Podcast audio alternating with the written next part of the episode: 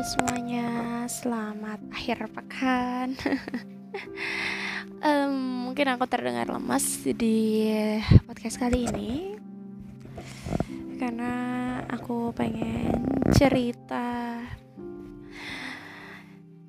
about heart. As you know, uh, di usia 20-an apalagi pembahasan yang paling sering dibahas kalau bukan tentang kalau bukan tentang hati tentang hmm, masa depan dan juga rencana-rencana yang sering kali sulit kita kendalikan Siang ini aku ditemanin hujan yang syahdu. Rintik hujan mungkin kalau terdengar di suaranya Well aku udah pakai mikrofon tapi kayaknya bakalan terdengar juga. Apa pun itu aku pengen cerita tentang hati. Entahlah aku nggak tahu apakah memang aku yang begitu lemah hatinya atau memang semua orang merasakan hal itu Cuman yang jelas, ketika aku tanya teman-teman aku, ketika aku tanya orang-orang lain, mereka juga mengiyakan bahwasannya mereka juga menantikan sosok yang dinanti. Ada temen aku, contohnya dia udah coba berproses nih, berproses. Ya konteksnya pasangan ya. Udah berproses gitu. Tapi kodarullah uh, pasang cal, cal orangnya itu orang yang ngajak proses itu malah beralih ke temennya sendiri teman baiknya. Aduh itu sakit banget sih. Hmm mungkin kita mulai dari tiga hal yang Ustadz Samsam pernah sampaikan gitu. Secara sekilas dan tapi itu cukup cukup mendalam buat aku dan juga teman-teman tentunya tiga aspek yang uh, tiga aspek yang nggak mungkin berjalan secara mulus semuanya gitu. Yang pertama rezeki termasuk pekerjaan di dalamnya termasuk rezeki yang lain gitu. Ilmu terus juga jodoh. Ada orang-orang yang uh, rezekinya mudah pekerjaannya mudah dikasih sehat kuliahnya lancar atau belajarnya aksesnya bisa ikut training mudah gitu. Tapi jodohnya nggak mudah gitu. Atau kebalikannya ada yang uh, ilmunya gitu ya. Mungkin salah jurusan mungkin sulit di kampusnya bayar kuliahnya cukup keteteran. Uh, tapi nikahnya mudah cepet jodohnya cepet mudah lancar kayak jalan tol ya tanpa perlu ngejar-ngejar. Tapi rezekinya juga struggle. Atau ada juga orang kaya rezekinya bagus gitu ya. Ilmunya juga oke okay, jodohnya nikahnya cepet. Tapi ternyata dia uh, keluarganya ada masalah gitu. Orang tuanya cerai ataupun adiknya ataupun uh, pertemanannya. Itu kan termasuk rezeki Well, Ustadz Faham Samsam waktu itu bilang bahwa uh, nggak mungkin ketiganya itu lancar dan mulus semuanya. Ada yang rezekinya, ilmunya mudah, tapi jodohnya um, bertahun-tahun nggak datang dan juga udah diusahakan tapi nggak juga ada ujungnya alias banyak sekali drama dan juga ujiannya. Nggak apa-apa, karena memang begitulah dunia gitu. Karena memang begitulah hakikatnya dunia. Setiap resiko, setiap kesulitan, setiap ujian akan dipergilirkan. Ketika menyadari bahwa kita masih hidup di dunia, ketika menyadari bahwa kita masih ada di dunia, bukan di surga, maka tak ada cara lain selain menerima ketetapan Allah dengan lapang dada. Karena kalau kitanya nggak ikhlas, kalau kitanya mau mencela atau bahkan nggak menerima ketetapan itu dengan kita bilang kenapa sih ya Allah jodoh aku nggak datang-datang misalnya. Kenapa sih ya Allah prosesnya susah banget? Kenapa ya Allah kau ciptakan hati ini dengan seperti ini gitu? Aku nggak mau tapi kenapa gitu? Aku nggak pengen tapi itu terjadi begitu aja. Kenapa ya Allah? Kenapa? Mungkin kau menangis di penghujung hari, di dalam kesendirian, dengan air mata yang tak henti-hentinya. Tapi ketika kita mengingat bahwa memang sunatullahnya begitu, sunatullahnya Allah pergilirkan setiap kemudahan dan kesulitan dengan adil kepada setiap manusia. Gak ada tuh yang tiga-tiganya lancar. Rezekinya lancar, ilmunya lancar, jodohnya lancar, semuanya lancar gak ada. Kalau toh ada, justru jangan-jangan di situlah ujiannya. Ujian kemudahan yang gak disadari bahwa itu ujian adalah sesungguhnya ujian yang jauh lebih berat dan bisa bikin kita lebih jauh sama Allah misal atau bahasanya um, aduh aku sorry aku lupa. Nanti kalau inget ya.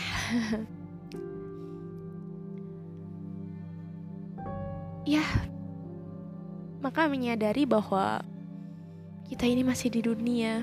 Kita ini masih sebagai hambanya Allah yang masih hidup. Artinya kesulitan sakit tangis dan juga perasaan yang gak nyaman itu pasti akan terus hadir dan memang tidak selalu perasaan itu memang pasti ada kehap kesenangan yang Allah kasih, ketenangan, kebahagiaan, nikmat lain yang perlu kita syukuri. Dan semua itu beriringan bersamaan. Dan gak mungkin ada yang benar-benar sempurna. Kalau toh ada, di situlah ujian yang lebih berat yang menggelincirkan. Kalau toh ada, maka itu ujian yang sangat dan lebih berat. Aku jadi ingat satu hal kutipan dari sebuah buku karya seseorang ibu Bu Eis namanya. Um, kalau cari di YouTube Ustazah Eis yang ngebahas soal pendidikan anak sejak dalam kandungan. Ah, mendidik anak sejak dalam kandungan. Di dalam buku itu itu buku warna putih pink gambarnya bunga covernya aku lupa buku warna judulnya apa.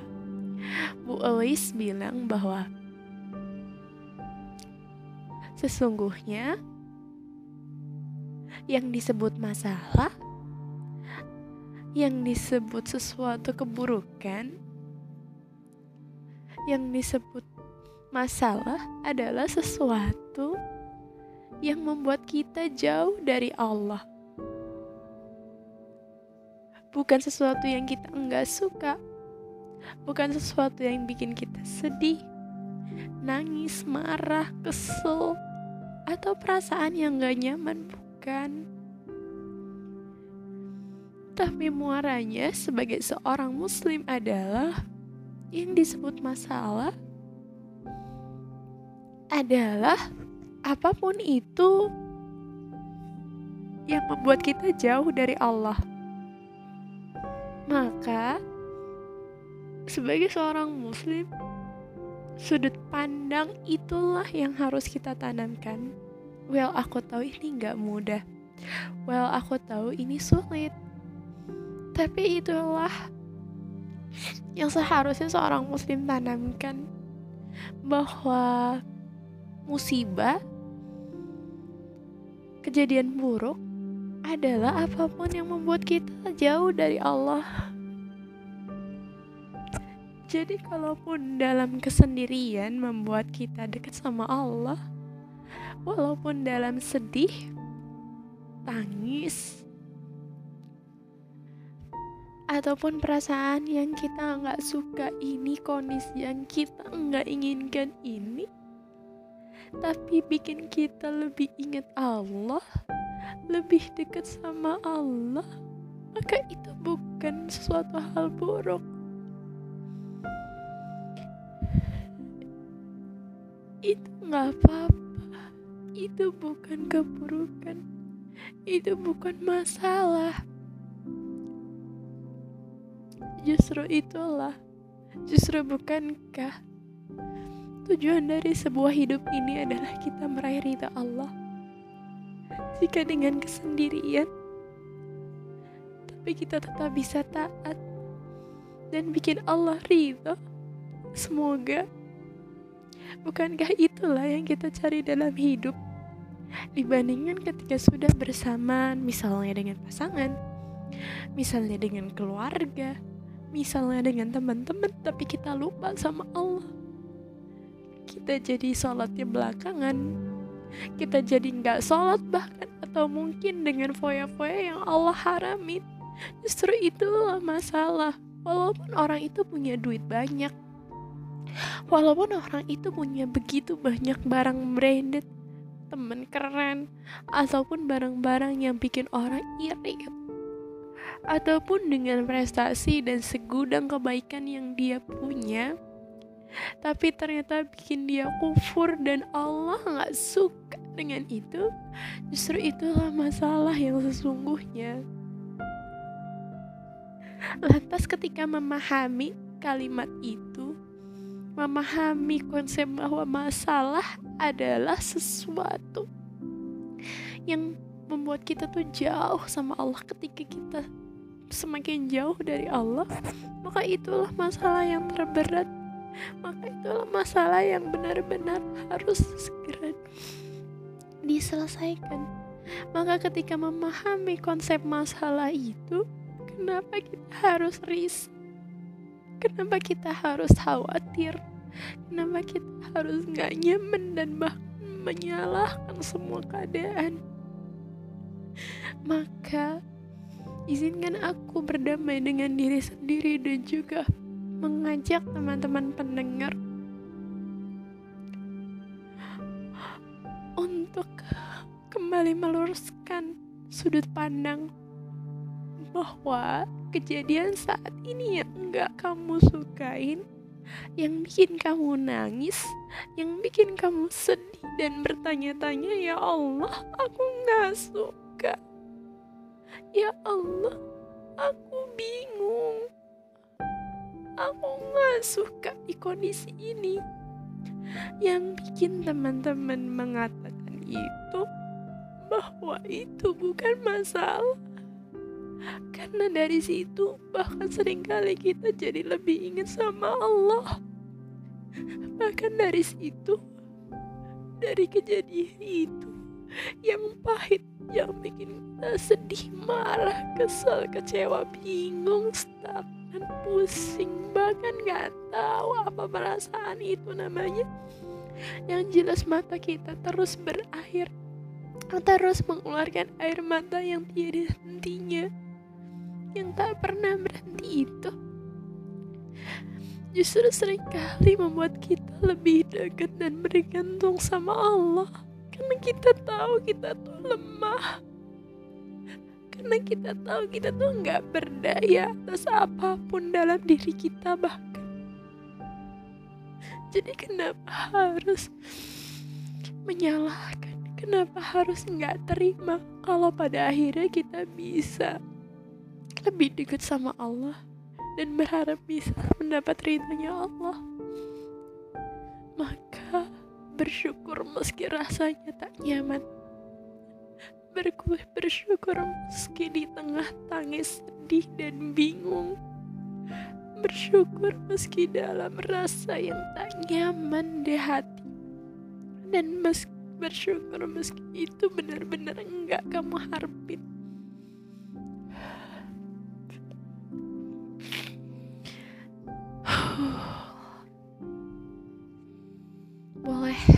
mungkin kita lebih tarik nafas lagi.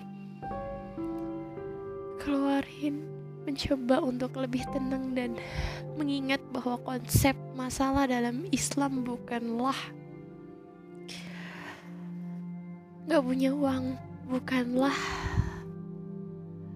sulit dapat pasangan bukanlah ada masalah di kantor, di kerjaan, di kuliah, di tempat belajar, di tempat lingkungan, keluarga, sekitar, teman, tetangga, apa pun itu bukan itu yang disebut masalah, tapi masalah adalah sesuatu yang bikin kita jauh dari Allah. Aku tahu itu gak mudah, tapi bukan kau untuk dapat ridha Allah dan menuju surga bukanlah perjalanan yang mudah. Dan sekali lagi maka mari katakan bahwa ya Rob, ya Allah, aku ridho atas segala apa yang kau beri padaku. Aku ridho dan akan berusaha untuk taat padamu. Akan berusaha taat dan ikut apa maumu. Jikalau memang ini membuat kami tak dan bisa meraih ridhomu, maka aku ikhlas dan terima semuanya ya Allah. Tapi ya Allah, Tolong tuntun aku. Jangan tinggalin aku. Aku lemah tanpamu ya Allah. Aku hanya bisa bergantung padamu.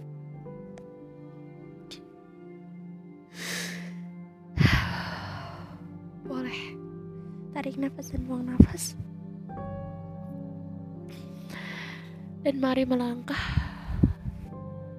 dengan tekad dan ikhlas bahwa semua yang terjadi ini adalah karena Allah melatih diri kita. Allah sayang sama kita. Allah baik sama kita.